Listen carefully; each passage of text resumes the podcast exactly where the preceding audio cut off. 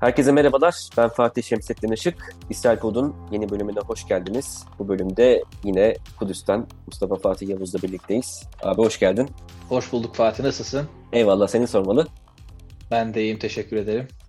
Bu hafta özellikle İsrail'deki aşı mevzusunda son derece aktiftin. Sahada birçok uzmanla görüşürken seni gördük. Şimdi İsrail bu aşılama hususunda bir model ülke olma yolunda ilerlediğini söylüyor nüfusun yarıya aşkını aşılandığı. Tabii bir yandan da bu kadar başarı öyküsünün yanında bir takım soru işaretleri de söz konusu. Mutasyonlu virüs, yeni normal. Yani bunların da hani etrafında dönen bir tartışma var. Sen nasıl değerlendirirsin? Aşılama mevzusunda İsrail'deki gidişat ne yönde? Evet Fatih, İsrail dediğin gibi aşılama konusunda dünyada şu anda hızıyla e, lider konumunda. E, nüfusunun yarısından fazlasını en azından sadece Pfizer'in bir doz aşısıyla aşılamış durumda. Önemli bir kısmı da yaklaşık 3 milyona yakın ya da 3 milyondan fazla insanda ikinci doz aşıyla aşılanmış oldu. Bu tabii İsrail'i dünyada aşının işe yarayıp yaramadığını görmek için bir test merkezi haline getirdi.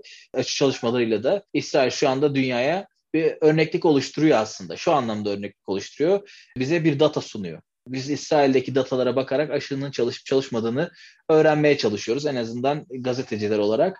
İsrail Sağlık Bakanlığı geçtiğimiz günlerde aşının %98 oranında etkili olduğunu söylemişti. Sağlık Bakanlığı'nın verisiydi bu. Ama tabii peer review denilen o gerçek zamanlı bir çalışma yoktu bu zamana kadar. Sadece bundan yaklaşık iki ya da üç gün önce İsrail'in en büyük sağlık örgütü diyebileceğimiz Clalit bir araştırma yayınladılar. Bu gerçek zamanlı peer review olarak yapılan aşıya dair ilk çalışma. Burada da aşının %94 oranında etkili olduğu öğrenildi. Bu şu demek oluyor. Dünya için önemli bir haber tünelin sonunda ışık göründü gibi. En azından İsrail özelinde bunu söyleyebiliyoruz. Tabii dünya için bunu söyleyebilmemiz için her ülkenin de hemen hemen İsrail gibi aşı çalışmasını yapması gerekiyor. Belki de aynı aşıyla ya da aynı oranda etkili olan başka bir aşıyla kendi vatandaşlarının aşılamaları gerekiyor. Örneğin diyelim ki ben buradan İspanya'ya gitmek istiyorum. Ben aşılandım ama İspanya'da henüz bu aşı çalışması yok. O sebeple aynı tehlikeyi hala ben de taşıyor olabilirim. Önemli olan burada herkesin aşılanıp daha sonradan sürü bağışıklığına gidilmesi. Burada tabii artı eksi meseleler var. Bunlardan biri de çocuklar. 16 yaşın altındaki insanlara İsrail'de henüz aşı yapılmıyor. Çünkü aşı çalışmalarında çocuklarla ilgili doğru düzgün bir veri yok elimizde. Ama İsrail bununla ilgili Benjamin Netanyahu bir açıklama yapmışlar. Çocukların da yakın zamanda aşılanabileceğini söylemişlerdi. Ee, benim gibi koronavirüs atlatmış kişilerin de şu anda İsrail'de henüz aşılanması mümkün değil. Henüz aşılanma yok. Her ne kadar antikor testimizde antikorumuz olmasa bile e, şu anda bize aşı yapılmıyor. E, ama bununla ilgili de en azından bir doz aşının yapılabileceğine dair bir bilgi aldım yine Clarit'ten. O da bir iki hafta içerisinde muhtemelen İsrail e, koronavirüs geçirmiş kişilere de aşı yapabileceğini söyleyebilirim şu anda. E, şu ana kadar dediğimiz gibi e, önümüzde güzel veriler var. Dünya için önemli ama dediğimiz gibi burada biraz da sosyoekonomik mesele de ortaya çıkıyor. İsrail görece zengin bir ülke. Pfizer aşısını ülkesine getirebilmiş, kendi vatandaşlarını aşılayabilmiş bir ülke ama diğer ülkelerin Filistin gibi mesela Uganda gibi Pfizer aşısına ihtiyaçları var. Şu anda henüz bunları alabilmiş değiller. Dünya Sağlık Örgütü'nün bir programı var. O çerçevede almaya başlayacaklar. Daha doğrusu Filistin başladı ama Dünya Sağlık Örgütü'nün de yardımıyla şu anda dediğim gibi olumlu gelişmeler devam ediyor. Ama tabii bunun Netanyahu için de önemli bir tarafı olduğunu da hatırlatayım. Netanyahu'dan da öte yani yine o konuya gelelim. Netanyahu'nun konusu çünkü Hı-hı. bence değinilmesi gerekiyor. Bir de şunu sormak istiyorum ben. Ya aslında sosyoekonomik eşitsizliğe değinirken aklıma geldi. Hatırlarsın. Edelstein'in bir açıklaması vardı. İşte biz aşılarımızı olalım. Hani kalırsa Filistinlilere de veririz tarzında böyle bir açıklaması vardı. Bu sözünde bile durmayacak gibi yani işte İsrailli yetkililer. Ve hani Filistinler bu konuda birazcık yine geri plana atılmış. Onlara aşıya dair herhangi bir icraatte bulunulmayacak gibi görünüyor yani. Ne dersin bu hususta? Dediğin kısmen doğru. Netanyahu hükümeti de şu anda elçiliklerini Kudüs'e taşımak isteyen ülkelere de sembolik bile olsa aşı göndereceğini söyledi. Gönderdi de bir kısmını. Bu garip bir konu çünkü aşıyla siyasi bir kazanım sağlamaya çalışıyor. Çünkü e, pandeminin çok daha etkin olduğu bir dönem olduğu için sağlıkla ilgili herhangi bir atılım size diplomatik kazanım sağlayabilir. Netanyahu da sanırım bunu görmüş. Bunun için uğraşıyor ama e, çok bana göre ucuz bir adım. Zaten Kudüs'e taşımış ülkelere aşıları gönderiyor. Bu biraz ucuz ve maalesef e, acı bir e, durum. İsrail'in aşı perspektifi de şu vardı. Israel is first. Yani Trump'ın America's first durumu gibiydi. Yani Amerikalılar öncelik, İsrailliler öncelik. Edelstein şunu söylemişti açık açık. Yani ben kalkıp bir İsrail'den aşı alıp bunu kalkıp Filistinlere veremem. Bütün İsrailler aşılandıktan sonra tabii ki komşularımıza yahut etrafımızdakilere aşıyı vermek isteriz demişti. Şu anda sadece İsrail'in Kudüs'te bulunan Filistinlere de aşı yaptığını öğrendik. O da var. Bu tabii İsrail'e giren işçilere de yapılıp yapılmadı. Çünkü aslında bu Filistinliler için önemli olan bir şey değil sadece. İsraillerin sürü bağışıklığına kavuşabilmesi için, yine kendilerini koruyabilmesi için İsrail'e girip çıkan Filistinleri de aşılaması gerekiyor. Biraz bununla ilgili durum. O sebeple küçük de olsa Filistinler aşılanıyor. Ama şunu söyleyeyim, İsrailler, e, İsrail vatandaşı Filistinler ayırmadı. E, onlara da aşı yaptı. İsrail vatandaşları hükmünde onlara da aşı yaptılar. E, bu çok dediğim gibi yani İsrailler için de Yahudiler için de önemli çünkü birlikte yaşıyorlar, beraber yaşıyorlar. Onların aşılanmaması demek, ülkede sağlık krizinin temelen devam ediyor olabilmesi demek. O sebeple İsrailler bunu çok e, üzerine durmadılar ve herkese aşıladılar. Abi şimdi herkese aşıladılar fakat benim aklıma hep şey geliyor. Yani İsrail'de aşı kampanyası, aşı meselesi başladığında Netanyahu'nun böyle oturup işte ilk aşıyı yaptıran olması, bunu böyle kameraların önünde yapması böyle gözümün önüne geliyor. Bir yandan da artık gün geçtikçe bu aşılama meselesinde Netanyahu'nun da yine politik herhangi bir meseledeki gibi burada da kendi otoritesini, kendi iktidarını yeniden tahkim etmek hususunda ya bunu lehine çevirmeye çalıştığını da görüyoruz.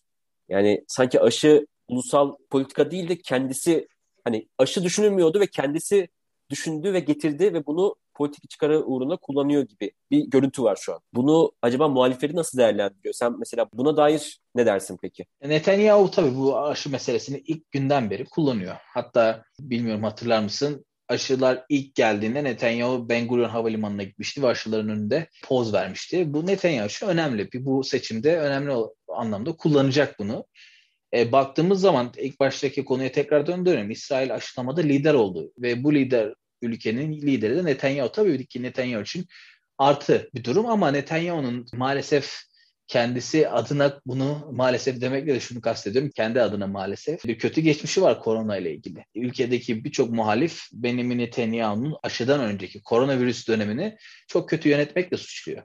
Yani cumartesi günü olan protestoların en önemli sebeplerinden biri de ülkenin korona krizini kötü yönetmesiydi.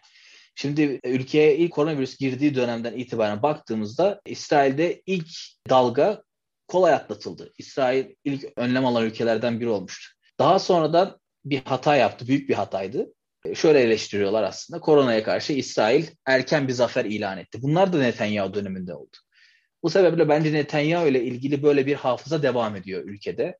Muhalifleri de buna biraz sarılıyor. Cumartesi günkü protestocular buna sarılıyor. Şimdi hemen söyleyelim. Netanyahu'nun mahkemesi devam edecek. Tabii mahkeme seçimden sonraya kaldı.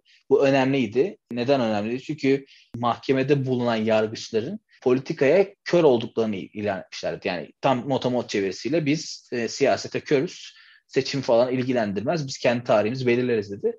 Ama geçen günlerde öğrendik ki Netanyahu'nun mahkemesi seçimden sonraya kaldı. Çünkü önemli olan taraf bu Fatih. Bundan önce diğer mahkemelere baktığımızda Netanyahu'nun popülaritesini etkileyen bir durum değildi yargılanması. Ama şimdi etkili olabilir. Çünkü ilk defa bu kadar yoğun bir şekilde tanıklar dinlenecek. Bu sebeple İsrail yorumcuların dediği şey şu, bu sefer etkileyebilir. Ama dediğimiz gibi Netanyahu için önemli olan taraf bunun seçimden sonra olması. Asıl mesele de burada muhtemelen önümüzdeki haftalarda bunu daha yoğun konuşuruz.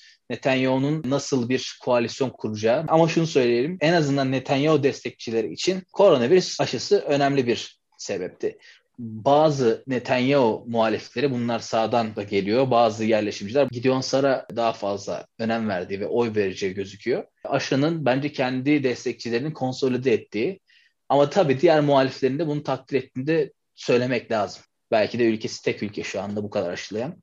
Burada abi şeyi belki ilginç bir not olarak düşelim.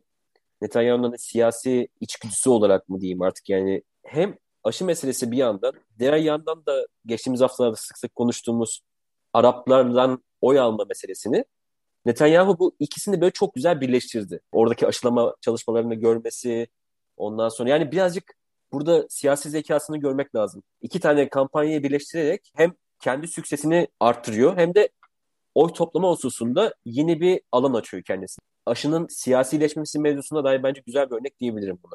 Tabii Abu Yayır biliyorsun Netanyahu evet. şu anda Abu Yayır enteresan bir seçim olacak onun için. Hı hı. Ee, neden? Ee, ben de açıkçası özellikle Arap sektörüne çok dikkatli bakmak istiyorum bu seçimde. Özellikle Netanyahu'nun bu yaptığı şey ne kadar etkili oldu. Sen de yakın zamanda bir çalışma yaptın, yayınlayacaksın. Bakalım çok ilginç olacak Fatih. Acaba e, analizlerde belki seçimden sonra özellikle buna değiniriz. Hem aşı hem de Arap sektörüne Netanyahu oynaması aşının politize edilmesi ve politik kazanım elde edilmesi hususunda Netanyahu'nun örnekliği dünya ile ilgili bir şey verecek mi? E, bununla ilgili çalışma yapmak da ilginç olurdu açıkçası. Kesinlikle, kesinlikle. Abi ağzına sağlık. Çok teşekkür ederim. Ben teşekkür ederim Fatih. Evet, İsrail Pod'u dinlediniz. Haftaya görüşmek üzere. Hoşçakalın.